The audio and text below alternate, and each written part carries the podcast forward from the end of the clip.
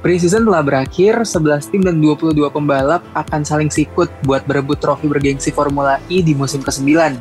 Dibuka di Meksiko, ditutup di London melalui 11 kota. Nah, kita akan bahas semua tentang musim 9 sekarang. Selamat datang di Sinear, podcast Formula E berbahasa Indonesia, bareng gue Argia, dan tentunya ada Mas Gledek yang paling paham tentang Formula E. Halo Mas Gledek. Alah, alah, dibilang paling paham apaan itu? Masih ada yang lebih tinggi dari gua harusnya. Gak apa-apa mas, ini biar kita menjual juga mas podcastnya mas. Gimana mas Iya. kabarnya baik? Ya, alhamdulillah baik. Eh, udah berapa bulan ya? Udah empat bulan gak ada Formula E. Gini-gini aja hidup, ngejar banyak deadline.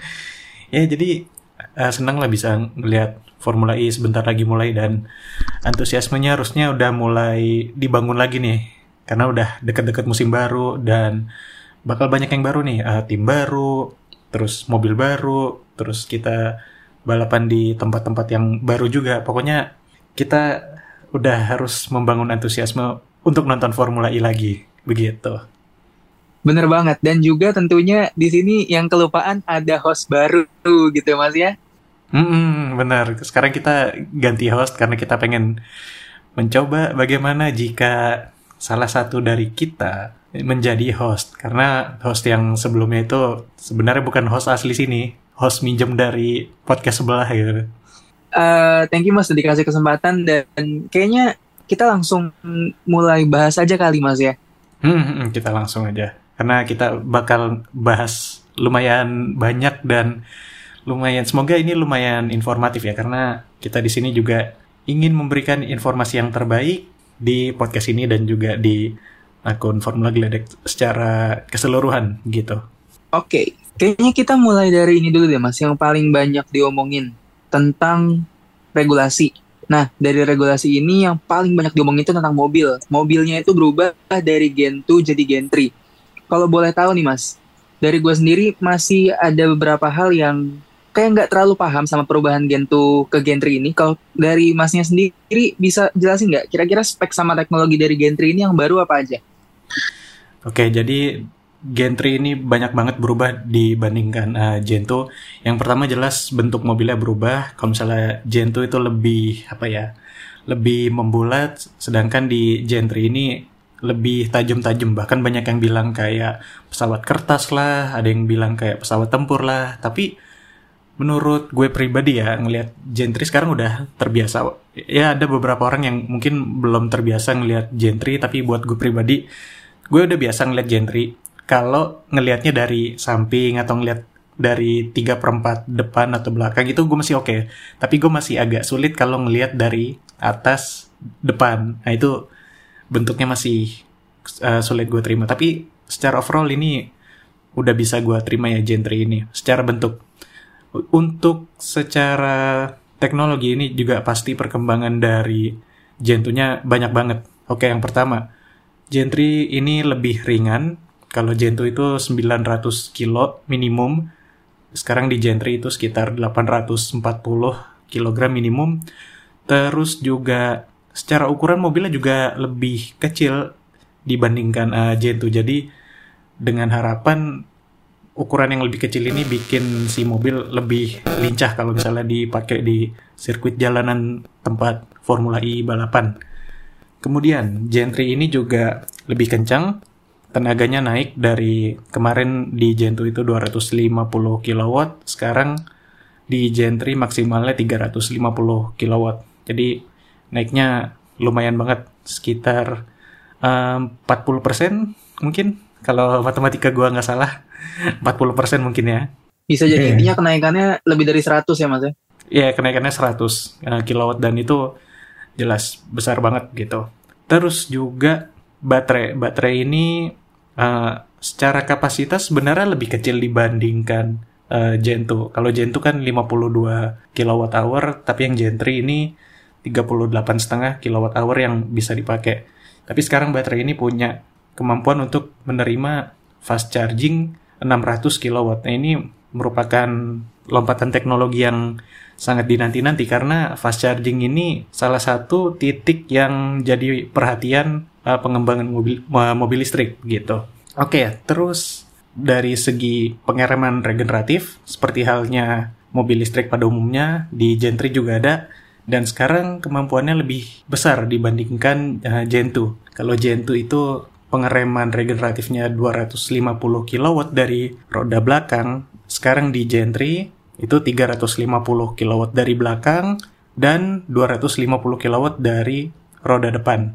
Intinya Gentry ini perkembangannya bagus banget, uh, melesat banget, dan gue penasaran sih ngeliat larinya Gentry ini gimana. Karena waktu gue di Jakarta kemarin, gue turun ke pinggir sirkuit, gue ngeliat uh, Gentry keluar dari tikungan 45, itu nariknya bener-bener udah lumayan narik banget gitu loh. Apalagi Gentry ini kayak gimana nih Gentry? Oh ya, di Gentry ini juga uh, partsnya uh, baru untuk beberapa spek parts. Sebenarnya nggak baru sih, ada yang baru, ada yang masih bertahan. Contohnya kayak sasis masih dibuat oleh Spark Racing Technology, kemudian baterai itu dibuat oleh Williams Advanced Engineering sama kayak Gen 1 dulu. Tapi yang baru ini adalah ban. Jadi ban ini sekarang yang memproduksi adalah Hankook. Sebelumnya kan uh, Michelin. Ya pengucapannya gitu tuh katanya Michelin. Yang bener, yang benar Michelin. Michelin. Katanya sih gitu. Mm kalau sekarang uh, Hankook bannya dan kata orang ban Hankook ini dibandingkan uh, ban Michelin itu lebih keras dibandingkan uh, ban sebelumnya begitu. Kalau bannya lebih keras berarti dia gripnya lebih kecil, tapi keuntungannya bahannya bannya lebih tahan lama. Bahkan kalau nggak salah kemarin sempat baca ada pembalap yang bilang bannya ini dipakai seminggu bolak-balik juga nggak bakal habis gitu, saking kerasnya gitu. Tapi gini mas, dari hmm. tadi kan udah lu sebutin tentang teknologi sama speknya gitu kan. Tapi sebenarnya ada nggak sih masalah dalam uh, pas pembuatan Gentry ini? Ya karena ini mobil baru dan melihat uh, parameter teknologi yang harus dicapai ini lumayan tinggi untuk uh, sebuah mobil listrik. Jadi tentunya masih ada masalah-masalah karena ya ini dalam tanda kutip teknologi baru gitu. Contohnya kayak baterai. Jadi baterai ini desainnya baru. Uh, desain yang gue maksud adalah uh, desain sel-sel baterai. Kalau misalnya lu lihat baterai mobil listrik itu bentuknya kayak silindris, kayak gabungan baterai A3, anggaplah A3 A2 gitu. Dikumpulin jadi satu, jadi baterai mobil listrik. Kalau yang kemarin kayak gitu. Cuma yang sekarang itu bentuknya pouch cells namanya. Dan pouch cell ini uh, kemarin waktu selama pengetesan sama pabrikan suka ada masalah baterainya ini nggak kuat menahan getaran-getaran yang dihasilkan oleh mobil begitu. Dan secara produksi juga kemarin sempat terhambat dari pihak Williams-nya. Jadinya banyak uh, pabrikan yang testingnya terhambat nih gara-gara masalah baterai ini. Kalau nggak salah tuh yang lumayan kena si Porsche kemarin. Terus juga teknologi berikutnya yang sempat jadi masalah adalah jadi kan di Gen 3 ini pengereman regeneratifnya kan uh, lebih gede ya dari roda belakang 350 kW ya kan? Iya iya. Nah, si pengereman regeneratif yang besar ini itu bikin Formula E bisa ngilangin rem belakang gitu. Kan biasanya ada rem apa hidrolik, cakram gitu kan di belakang. Nah, sekarang karena regionnya udah gede, maka rem belakangnya bisa hilang. Nah, sekarang yang ngatur rem belakang itu uh, regen dan regen ini biasanya diatur oleh software. Nah, masalahnya muncul ketika kalau misalnya mesinnya tiba-tiba mati, berarti lu dalam tanda kutip nggak punya rem belakang dong. Karena kehubung ke software tadi, sementara mesinnya mati, Mas. Hmm, dan ya kalau misalnya mobil lagi ngebut terus remnya mati, ya ya apa boleh buat. Lu cuma mengandalkan rem depan yang sebenarnya rem depannya juga jarang dipakai. Karena rem depan pasti difokusin di uh, softwarenya dong. Supaya misalnya kalau misalnya dipakai balapan uh, regennya dibanyakin supaya mobilnya secara keseluruhan lebih efisien. Jadi rem yang uh, hidrolik yang cakram ini bakal jarang dipakai. Kalau jarang dipakai nanti remnya dingin. Kalau remnya dingin biasanya bannya suka ngunci. Begitu diinjek. Nah sekarang mobil kenceng rem depan dingin nggak ada rem belakang karena mesin mati. Udah, susah. Udah tinggal ketemu tembok aja udah. Wassalam ya itu jadinya ya. Hmm. Nah, oleh karena itu Formula E selama sebulan belakangan ini memikirkan pengen pasang rem belakang cuma buat darurat gitu. Jadi secara penggunaan kita bilangnya penggunaan sehari-hari ya. Pas balapan itu remnya nggak dipakai, remnya dipakai kalau darurat doang gitu. Kalau misalnya mesin mati, oh ketahuan nih mesinnya mati, rem daruratnya baru main gitu. Oke oke oke, kebayang berarti gue dari sini. Nah, hmm. uh, sekarang gini mas, ini kan Gentry kan udah pada turun nih pas preseason nih. Hmm. Kalau hmm. dari lu sendiri, livery yang menurut lu paling best dari siapa? Wah, livery ya. Livery Gentry menurut gue keren-keren dan gue agak sulit menentukan siapa yang paling keren. Uh, untuk gue pribadi, gue seneng lihat mobil yang warnanya ngejreng, yang stand out gitu, yang kelihatan banget gitu. Oh kalau ini mobilnya ini gitu okay. Menurut gue yang liverynya unik di Gentry ini ada dua. Yang pertama adalah Apt Cupra. Dia itu kombinasinya biru di engine cover, kemudian uh, sisa bodinya warna warnanya ini unik nih. Yang di banyak kebanyakan bodinya nih unik warnanya. Ntar gue jelasin. Sama ada clear-clear kayak warna lime green gitu. Lime greennya yang bikin keren dan lumayan ngejreng gitu lime green yang mirip ini gak sih mas? Yang mirip Aston Martin gak sih? Uh, iya lumayan mirip sih kalau gue bilang. Nah yang warna utamanya, warna body utamanya ini, ini menurut gue keren dan unik. Jadi ini warnanya khasnya Cupra yang uh, partneran sama Apt ini.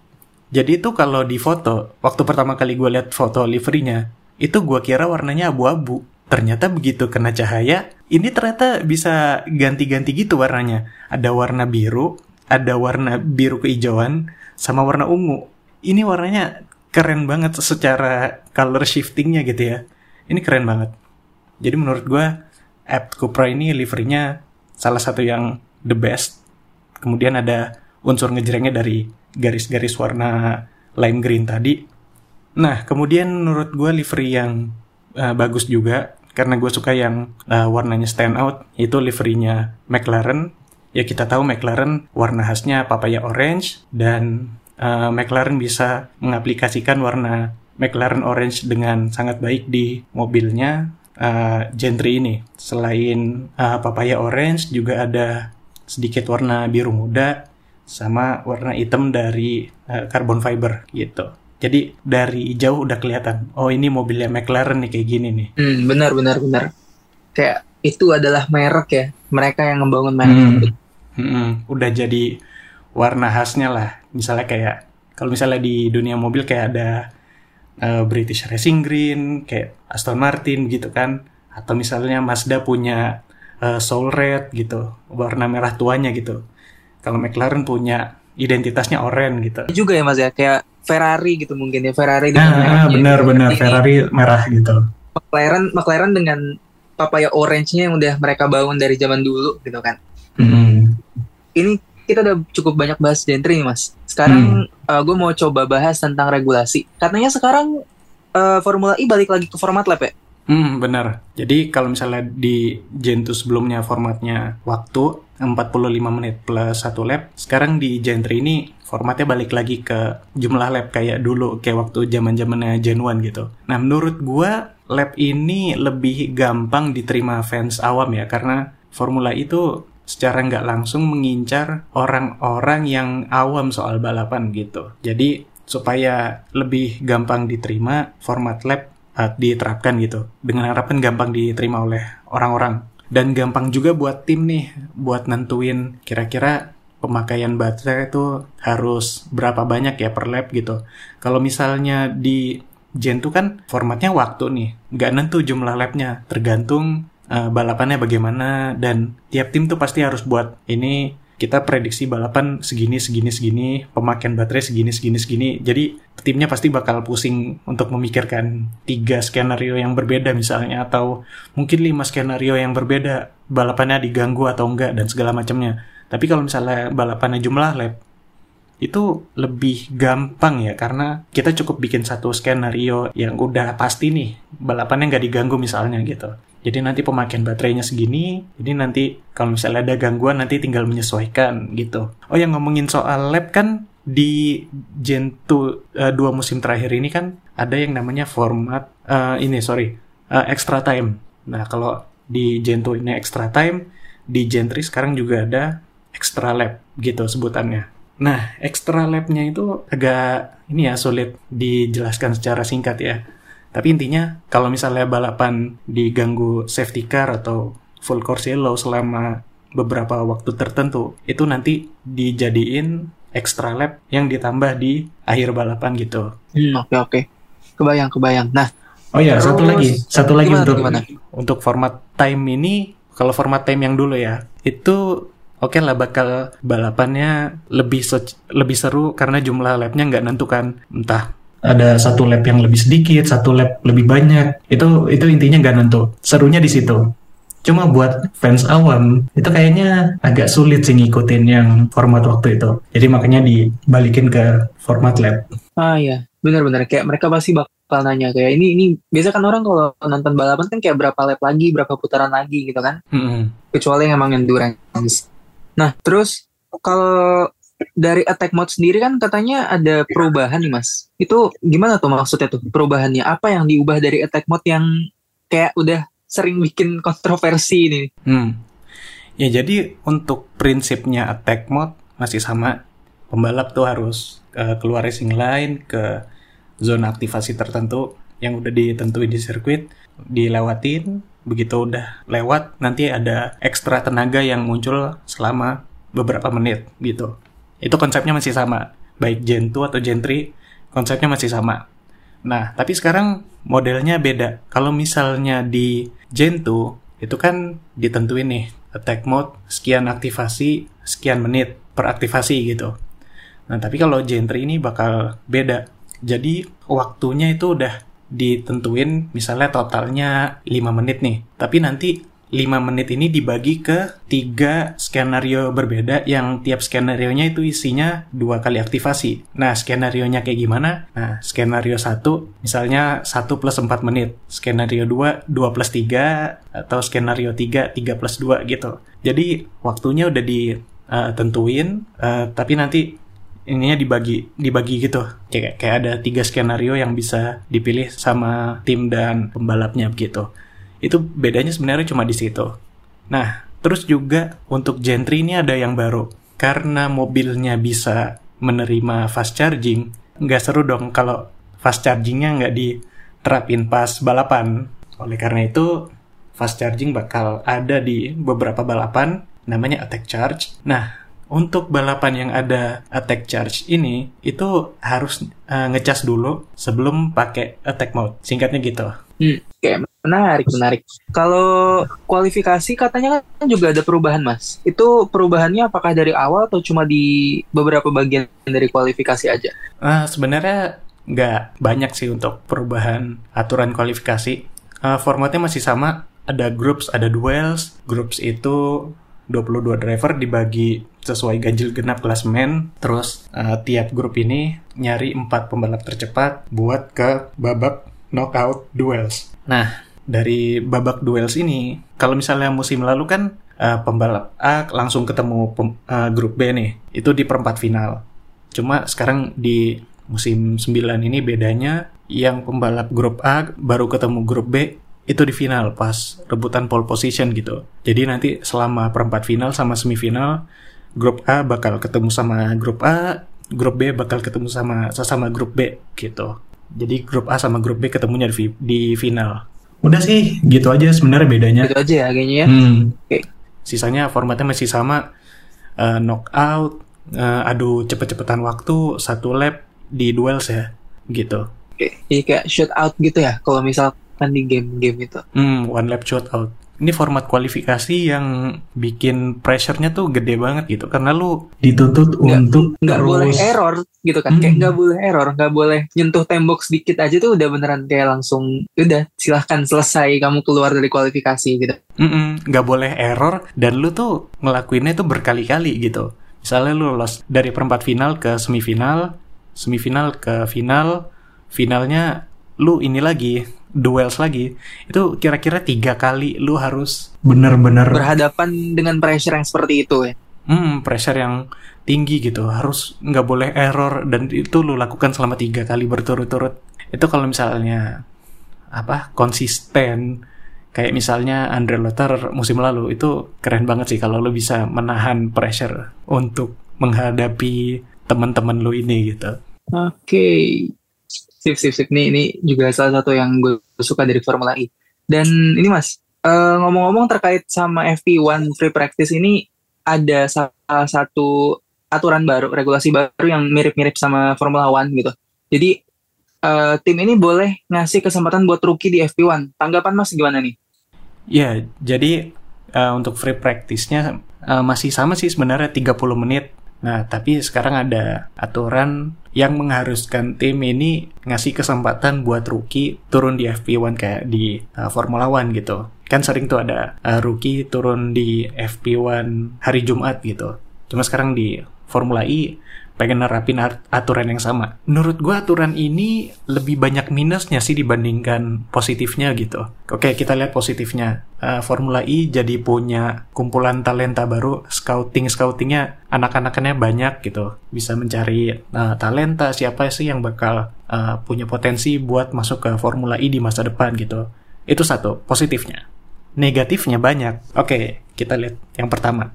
Free practice cuma 30 menit dan lu meng, apa ya memberi kesempatan seorang rookie belajar mobil 30 menit. Itu itu udah pasti nggak cukup men. Apalagi kan sekarang uh, Gentry kan kompleks banget ya. Kalau misalnya di oke okay lah katakanlah F1 F1 ya mungkin uh, rem gas dan banyak setting-settingannya. Tapi lu dikasih satu jam. Satu jam satu setengah jam ya gue lupa. Pokoknya satu jam lah gitu. Satu, satu jam sih kalau nggak salah. 90 menit singkat gue kalau FP1 di F1 tuh? Eh gue lupa. Tapi kayaknya sempat berubah gak sih kemarin tuh? Gue lupa. Ya tapi intinya intinya begitulah. Waktunya di F1 tuh lebih banyak. Ya oke okay lah memang mobilnya pasti, lebih pasti lebih banyak. Mobilnya lebih kompleks tapi lu ngasih setengah jam ke seorang rookie itu ya kurang banget gitu. Pointless gitu jatuhnya ya. Hmm, kayak kayak kurang waktu aja gitu. Itu satu. Yang kedua, uh, Formula E kan balapannya di sirkuit jalanan, which is yang sampingnya tuh langsung tembok gitu. Lu ngasih kesempatan error. Hmm, lu ngasih kesempatan seorang rookie buat nyoba mobil setengah jam, tapi resikonya nabrak tembok. Dan kalau nabrak tembok, yang repot adalah timnya juga harus benerin mobil. Belum kalau misalnya uh, rusaknya berat, bisa siapa tahu apa bisa-bisa nggak ikut uh, free practice 2 bahkan bisa nggak nggak ikut kualifikasi juga kalau parah banget. Gitu. bahkan bisa nggak ikut race kalian malah ya. Iya kalau kalau misalkan saking nggak ada spare-nya banget gitu. Hmm itu makanya sebenarnya riskan banget sih aturan ini. Oke okay lah bagus buat nyari talent tapi begitu ngeliat minusnya oke okay, ini terlalu berisiko. Dan konon katanya beberapa tim lagi bersatu untuk ngebatalin aturan ini. Gue penasaran sih kalau beneran dibatalin aturannya bakal segimana dampaknya gitu. Hmm, Oke, okay. ini menarik juga nih. Ngomong-ngomong soal talent, nextnya kita bakal bahas tentang silly season yang beneran silly season. Hmm. Ini beneran jadi salah satu silly season paling liar di Formula E. Dari 11 tim cuma satu yang dia pairingnya sama dari musim sebelumnya. Menurut Mas gimana nih? Dari setiap tim secara general dulu deh tim sama pembalap nih gimana nih? Banyak yang ganti atau gimana? Wah banyak banget sih ganti, hampir semuanya ganti dan selama empat bulan empat bulan belakangan ini emang banyak berita, banyak rumor kepindahan tim sana sini. Pokoknya banyak banget yang berubah gitu. Mulai dari banyak uh, perubahan tim, pembalap, ada yang ganti baju juga dalam tanda kutip ganti baju ya. Terus ada yang ganti supplier mesin juga Oke, kita mulai dari satu uh, satu-satu dulu karena ini banyak banget yang pindah-pindah. Oke, yang pertama ada App Sportsline. Sebenarnya nama aslinya App Cupra. Nama, nama tim yang terkenal App Cupra. Iya, iya nama official timnya App Cupra. Jadi App ini nama yang comeback di Formula E setelah terakhir kali ngikut di season 7 waktu bareng sama Audi. Cuma habis season 7 mereka nggak dapat uh, slot tim mereka. Jadi mereka libur setahun dan sekarang bakal comeback lagi. Nah, Tapi sekarang sama Mahindra ya katanya? Iya, sekarang mesinnya pakai mesinnya Mahindra Dan untuk drivernya ada Robin Friends dan Nico Miller. Yang Oke. comeback juga nih di Formula E. Nico Miller tuh terakhir seingat gue tuh di Dragon. Terakhir seingat gue dia di Dragon di season 7. Season 7 benar, 2020-21. Terus dari Abt Cupra ada Andretti yang ganti supplier mesin. Kalau sebelumnya kan BMW, sekarang pindah ke Porsche. Drivernya Jack Dennis masih stay di sini, sementara uh, temennya sekarang udah bukan Oliver Askew lagi. Askew musim lalu ya agak kurang sih. Agak Deh, basic agak- ya, SQ ya kayaknya ya. Hmm, basic. Tapi sebenarnya untuk hitungan rookie musim lalu ya dia yang paling stand out sih. Dia yang paling bagus, yang paling mencolok Oke. Dibandingkan uh, rookie-rookie lainnya. Cuma ya karena kurang banget mungkin untuk standarnya Andretti, makanya SQ sekarang udah nggak di FA lagi. Sekarang dia si Jack Dennis ini ditemenin sama Andre Lotterer yang pindah dari Porsche. Si bapak-bapak ini pindah dari Porsche ke Andretti. Kemudian habis Andretti ada di S Penske. Jadi musim lalu ini nama tim ini tuh Dragon Penske Autosport. Cuma sekarang jadi DS Penske udah collab. Nah, kenapa bisa dapat DS? Karena kan di musim lalu kan DS sama Techita. Nah, dari sisi Techitanya kekurangan duit nih intinya gitu. Techitanya ke, ke kekurangan duit, DS-nya ibaratnya harus apa ya terpaksa ngeluarin duit buat nyelamatin tim ini gitu. Nah, DS-nya kan bete, ya udahlah DS sama Techita cerai. DS-nya sekarang pindah ke Penske. Penske. Hmm, di rebrand jadi DS DS Penske. Nah, untuk DS Penske ini, ini line up-nya kalau bisa dibilang sih ini dream team banget ya, karena Level, ada level dewa ya di. level dewa banget. Karena ada Jean-Eric Verne yang udah punya dua title, sama Stoffel Van Dorn yang jadi World Champion musim lalu. Ya, udah udah kelihatan lah ya, World Champion, World Champion ketemu, udah dinanti banget sih di Penske. Yang bikin gue menantikan adalah siapa yang bakal jadi number one driver. Ini peluang konfliknya gede nggak sih kira-kira ini? Oh gede banget sih Antara ini. Van Dorn sama Fern ini, ini kayak Gede. mereka pasti mereka tuh pasti mau ini gak sih sama-sama ya I want to be the number one gitu Hmm. Cuma gue takutnya kayak Da Costa gitu. ah Kalau si Da Costa ini konon katanya sering banget disuruh ngalah musim lalu sama Jean-Eric Verne. Oke lah, kita maklumi karena Verne ini eh, dalam tanda kutip peliharaan DS jadi ya mau nggak mau Udah dari si lama Verne ya? eh, wak- sejak waktu masih DS Virgin itu Verne udah bad- udah barengan lah gitu. Terus juga si Verne ini yang ngeyakinin DS supaya collab sama Techita. Jadi intinya Verne sama DS nih hubungannya udah erat banget dan pasti jadi anak emasnya DS lah gitu. Jadi mungkin secara uh, di atas kertas Verne ini bakal jadi number one driver tapi kita lihat Van Dorn bakal seperti apa. Apakah bisa melawan atau ujung-ujungnya kayak Andre Lotterer atau Da Costa atau siapa lah yang udah pernah uh, partneran sama Verne. Kita entah menunggu korban baru lagi atau si Van Dorn ini benar-benar bisa uh, ngelawan Verne gitu. Ini sih yang patut ditunggu. Oke, kita lanjut ke tim berikutnya ada Envision Racing yang warnanya hijau ngejreng, tapi menurut gue ini oke lah hijaunya ngejreng cuma desainnya biasa aja gitu. Jadi gue nggak favoritin tim ini. Untuk Envision sekarang dia pakai uh, mesin Jaguar dan pembalapnya Nick Cassidy sama juara musim 2 Sebastian Buemi.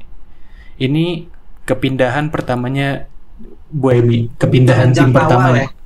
Hmm, dia selama 8 musim ikutan Formula E, dia setia banget sama Idams waktu dari zaman Renault, kemudian zamannya terus ke Nissan. Nissan. Mm-mm.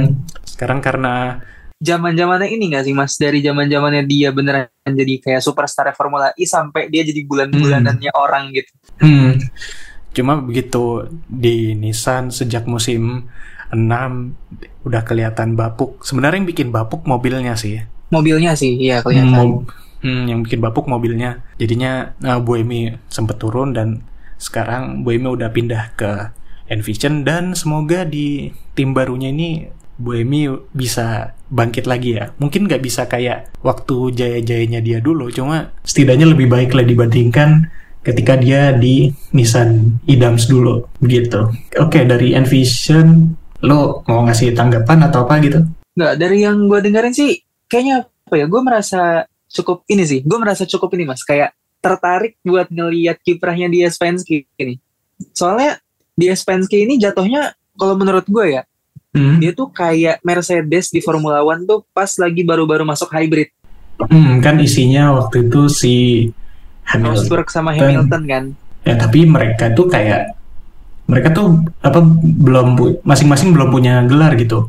Mungkin lebih oh iya sih waktu itu ya. mungkin lebih cocok uh, Vettel sama Raikkonen kali yang udah waktu Ferrari tuh. Ferrari 2015 mungkin tuh lebih cocok karena kan udah sama-sama punya gelar baik Vettel atau Raikkonen. Jadi mungkin miripnya ke situ sih.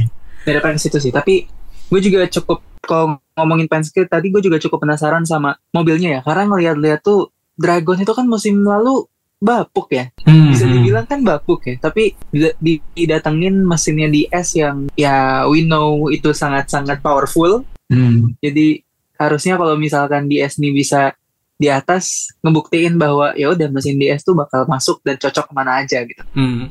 Dan yang kemungkinan bakal bikin strong juga adalah orang-orang yang dari DS itu juga ikut sama DS terus gitu. Jadi dari zaman Techita, orang-orang DS-nya ini dipindah juga ke uh, DS Penske gitu. Jadi ke, untuk sisi engineer-nya kebanyakan dari DS gitu.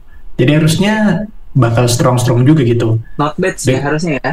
Hmm, nggak ada perubahan lah gitu. Dengan harapan ya si mesin DS ini baik dari segi mesin atau dari engineeringnya itu mau di ceplokin ke mana aja juga bagus-bagus juga gitu. Oke dari Envision Nextnya Jaguar nih. Nah iya Jaguar.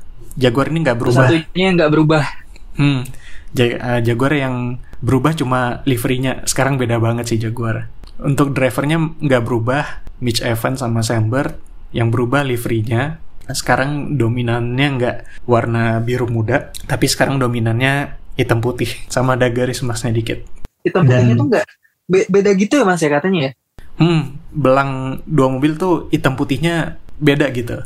Gue lupa yang Evans tuh yang it, uh, hitamnya kiri atau kanan gitu. Tapi ada kok di medsos kita di at Formula Gledek itu ada fotonya mobilnya Jaguar punyanya Mitch Evans sama Sambert tuh beda pokoknya ya? beda. Iya beda. Oke nanti gue cek deh ke Formula Gledek lagi nih. Sip. Oke, dari Jaguar pindah ke Mahindra. Mahindra ini musim lalu dia agak di bawah, tapi emang Mahindra selama Gento sering banget ada penurunan gitu. Mungkin dulu dulu tuh apa ya siklusnya tuh naik turun naik turun lingkaran setan yang terus menerus berulang gitu. Cuma di dua musim terakhir kelihatan banget uh, menurunnya gitu. Nah untuk Mahindra sekarang line up-nya sedikit beda. Oliver Rowland masih stay, Oliver Roland ini yang kalau kalian inget di Jakarta Ipri dia yang bannya copot. Oh iya. Gue sempet datengin tuh mobilnya bannya copot yang kiri depan. Terus di Oliver. Kira situ ya. Hmm, diparkir di turn 3. Ya, gue masih inget itu. Oliver Rowland sekarang ditemenin sama juara musim 3, Lukas Di Grassi yang pindah dari Venturi.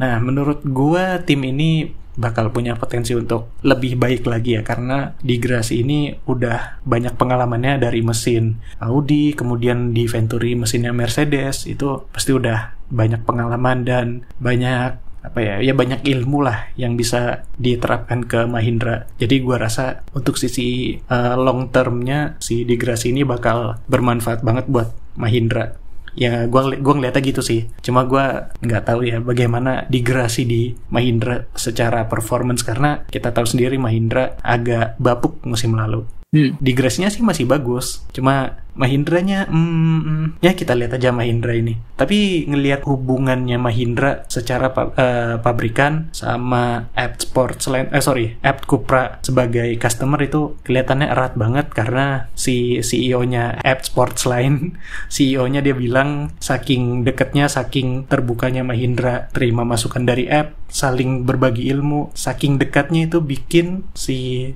Ed ngerasa kerja sama Mahindra tuh kayak setim empat mobil gitu.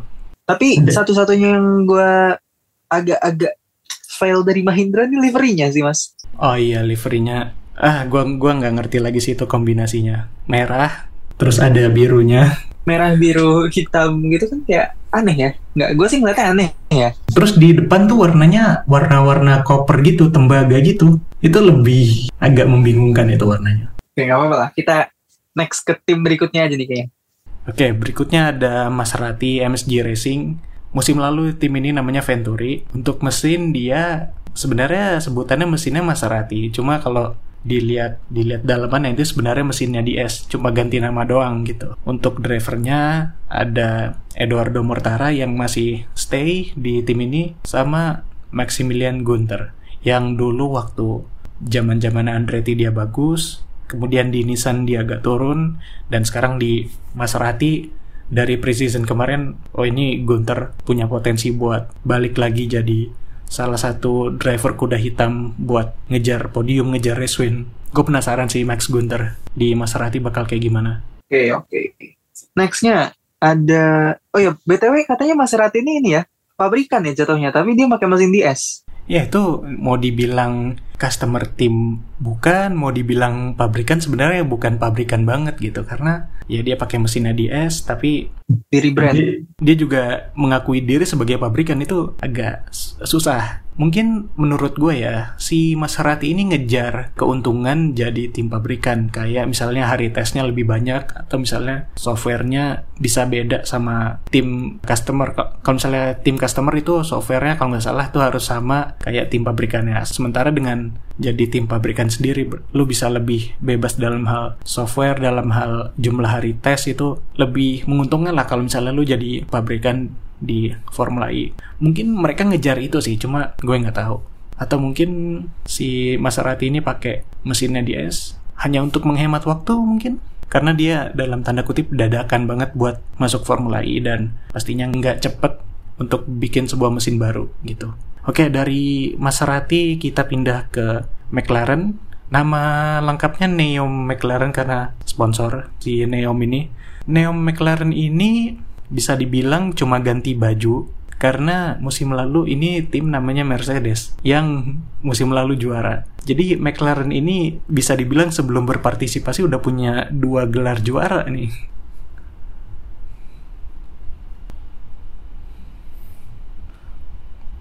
Ya tetap buat Mercedes yang pasti. Karena kan di buku sejarah udah kehitungnya Mercedes. Cuma begit apa untuk lucu-lucuan aja ya McLaren bisa ngaku juga. Loh ini gelar juara saya. Sebenarnya secara administratif McLaren ini benar-benar tim baru ya. ya tim baru. Oke.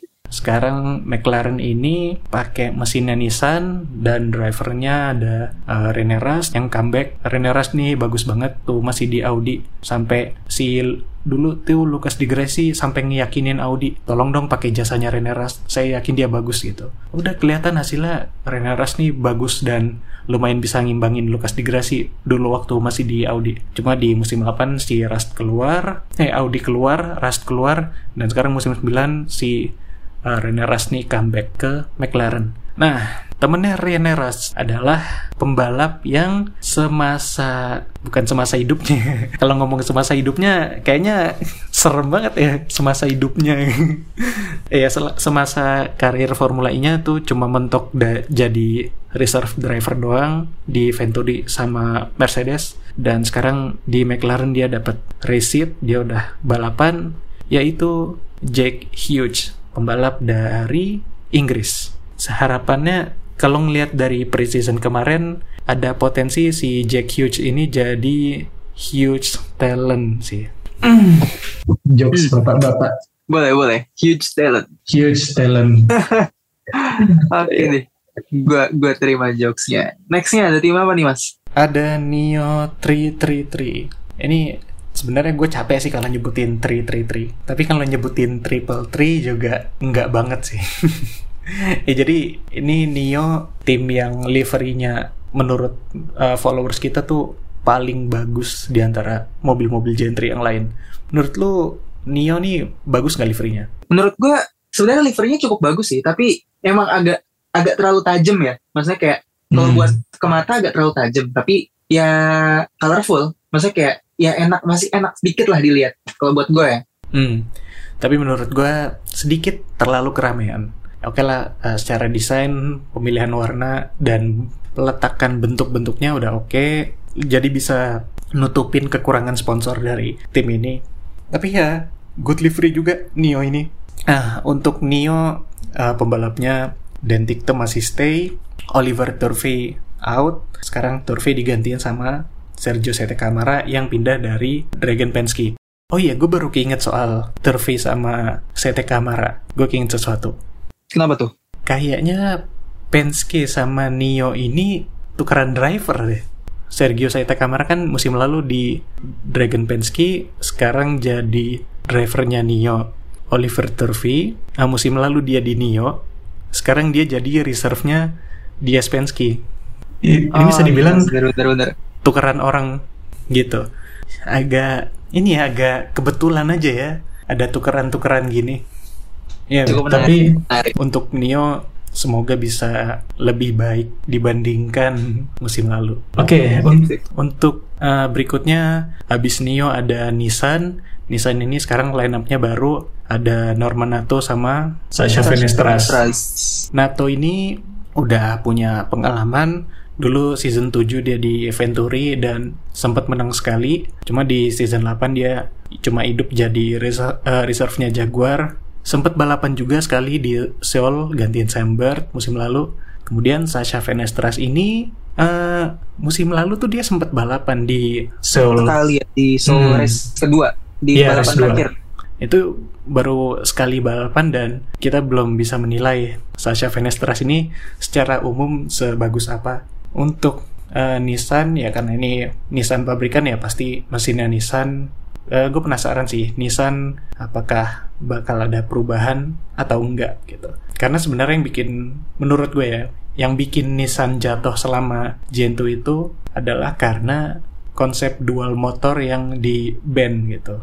Jadi season 5 mereka pakai uh, dual motor, season 6 di ban dual motornya, si Nissan-nya harus pakai single motor dan menjadi kejatuhannya Nissan selama Gen 2. Dan gue pengen lihat di Gen 3 ini Nissan bakal sebagus apa. Bakal bisa comeback atau tetap di agak belakang gitu. Oke, patut untuk kita lihat. Dan terakhir mas, tim terakhir ada Porsche nih kalau nggak salah. Ya, tim terakhir ada Porsche, pembalapnya ada Pascal Verlaine yang musim lalu menang di Mexico City, kemudian ada Antonio Felix da Costa yang pindah dari uh, Techeetah sekarang ke Porsche. Hmm, da Costa ini ini kalau misalnya gua lihat dari doku series Formula E Unplugged ya yang baru rilis ini Da Costa ini kayak dizolimin selama di Diaz Techeetah gitu Kan ada tuh yang Jakarta kemarin kan dia disuruh ngalah di duels final buat Generic Vern dapat pole position gitu. ya intinya dia disuruh ngalah dan gue ngerasa ini kayaknya Da Costa dulu dizolimi. Oke, oke, oke. Oke, itu dia 11 tim dan 22 pembalap yang Udah kita bahas. Selanjutnya kita bahas apa nih?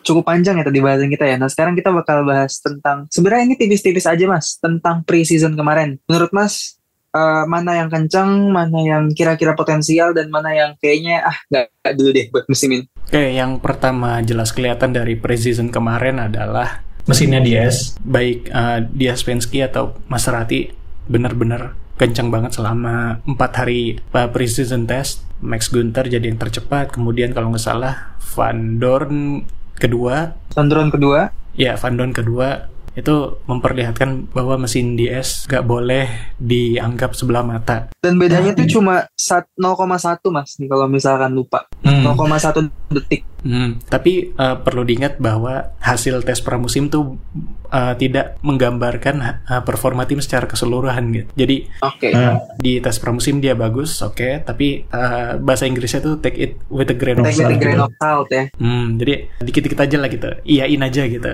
Harapan boleh ada tapi jangan sampai terbantai oleh realita gitu ya. Hmm, benar-benar. Kan kita juga belum melihat realitanya apakah emang sebagus itu atau ya cuma bagus di preseason doang gitu.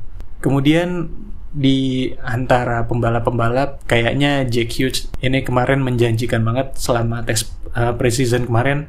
Kalau nggak salah itu dia tercepat keempat di catatan di catatan waktu secara keseluruhan. Dan ini menunjukkan bahwa this guy has a talent. Si orang ini punya bakat untuk jadi pembalap Formula E ya iyalah udah bermusim-musim jadi reserve driver tapi kalau nggak bagus ya buat apa gitu. Cuma kelamaan magang doang tapi gitu dapat kerja masa nggak bagus gitu lah. Gue jadi penasaran sih si Jack Hughes ini bakal sebagus apa. Tapi ya masih too early to tell masih terlalu masih terlalu awal banget buat menilai si Jack Hughes ini emang beneran huge talent atau cuma keajaiban preseason semata. Oke, dari sekian tim dari 10 tim lainnya, sorry dari 9 tim lainnya selain Maserati sama DS yang menurut gue punya potensi buat ngerusak uh, Maserati sama Diaz Penske ini adalah Porsche.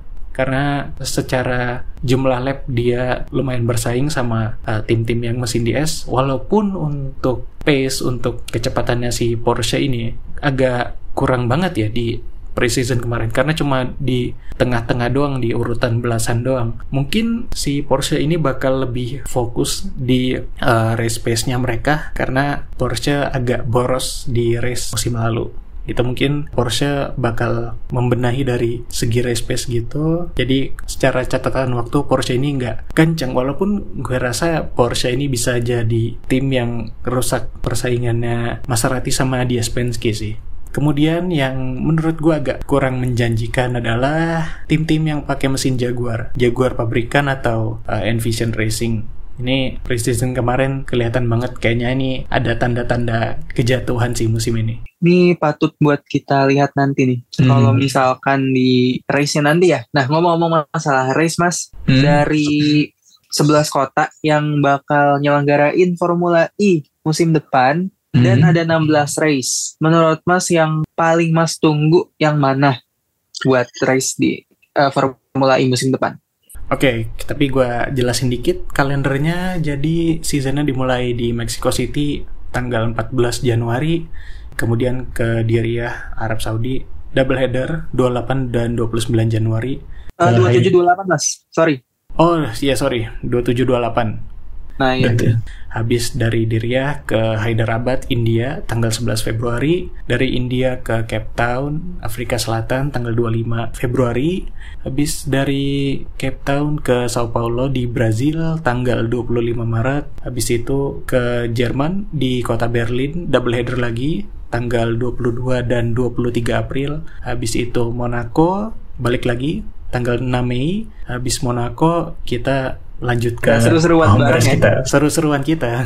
Home race di home race kita di Jakarta. Dan Jakarta sekarang double header. Tanggal 3 dan 4 Juni. Habis dari Jakarta ke Amerika Serikat. Di kota baru lagi di Portland. Tanggal 24 Juni. Habis dari Portland balik lagi ke Eropa. Di Roma tanggal 15-16 Juli. Habis Roma season finalenya di London. Tanggal 29 dan 30 Juli untuk race yang paling excited gue ya, gue penasaran sama Cape Town sih karena sirkuitnya Cape Town ini bakal ada di sekitar stadion yang dulu buat Piala Dunia. Cape Townnya juga. Cara landscape tuh bergunung-gunung gitu, terus di pinggirnya ada kota dan kayaknya itu bakal menarik untuk lihat di kamera. Ya walaupun sebenarnya untuk kota-kota yang baru nih gue juga penasaran juga sih Hyderabad kayak apa, Sao Paulo kayak apa, kemudian Portland kayak apa. Dan untuk Portland ini katanya pakai uh, sirkuit permanen di Portland International Raceway. Katanya gitu masih masih rencananya, tapi uh, kita belum dapat layout finalnya dari Formula E kayak gimana.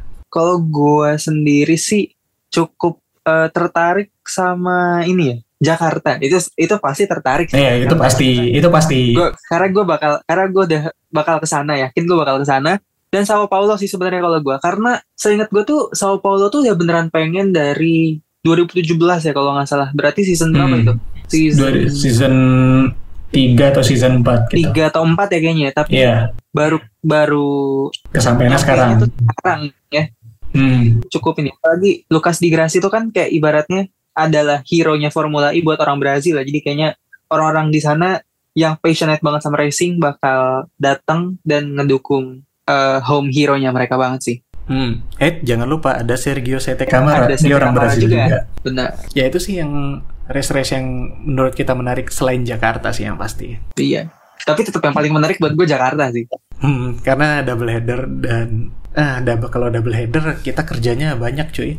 Nggak apa-apa sih. Tapi katanya ini nggak sih? Eh, nih, nih, sorry, satu fact terakhir ya. Eh, bukan satu fact, satu rumor terakhir sebelum kita udahan di episode Hmm. kali ini.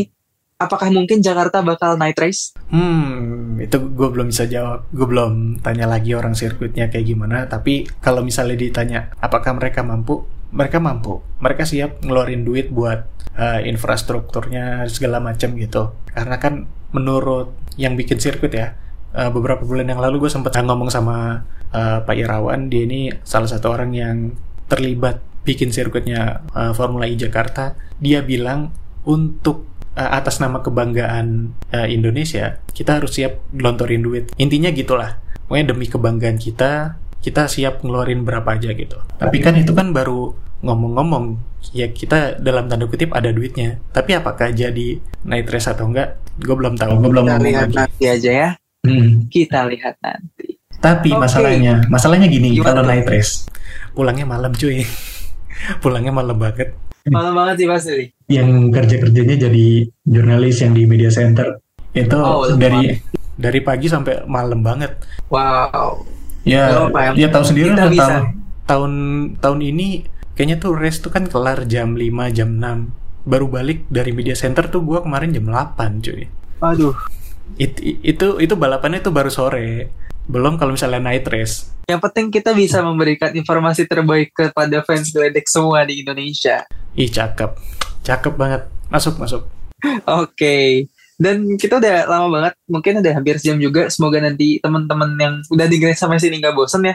Dan thank you banget sekali lagi buat Mas Gledek, thank you banget buat fans Gledek semua yang udah dengerin podcast uh, kita di episode ini. Mungkin Mas Gledek ada kata-kata penutup yang mau dikasih buat episode ini, Mas? Em, kata-kata terakhir ya. Ya, terima kasih buat Mas Argia yang udah menyempatkan diri mencoba jadi eh, host podcast kita yang baru. Eh, terima kasih juga buat yang udah setia follow kita di media sosial kita @formulagledek dan terima kasih buat yang udah nyempetin waktunya dengerin episode ini. Jangan lupa race pertama season 9, season 9 di Mexico City tanggal 14 Januari. Itu waktu sana sih sebenarnya. Kalau misalnya waktu Indonesia tanggal 15 subuh biasanya. Karena kan beda waktunya tuh 12-13 jam Jakarta sama Mexico City ya.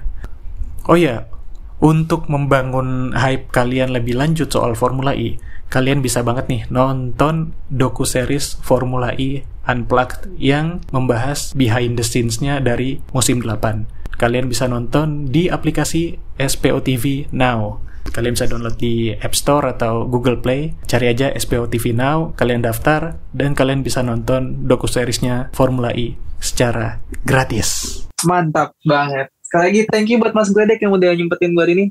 Kita Yo, terima kasih episode berikutnya ya, Mas. Yuk, sampai jumpa di episode berikutnya. Bye. Dadah.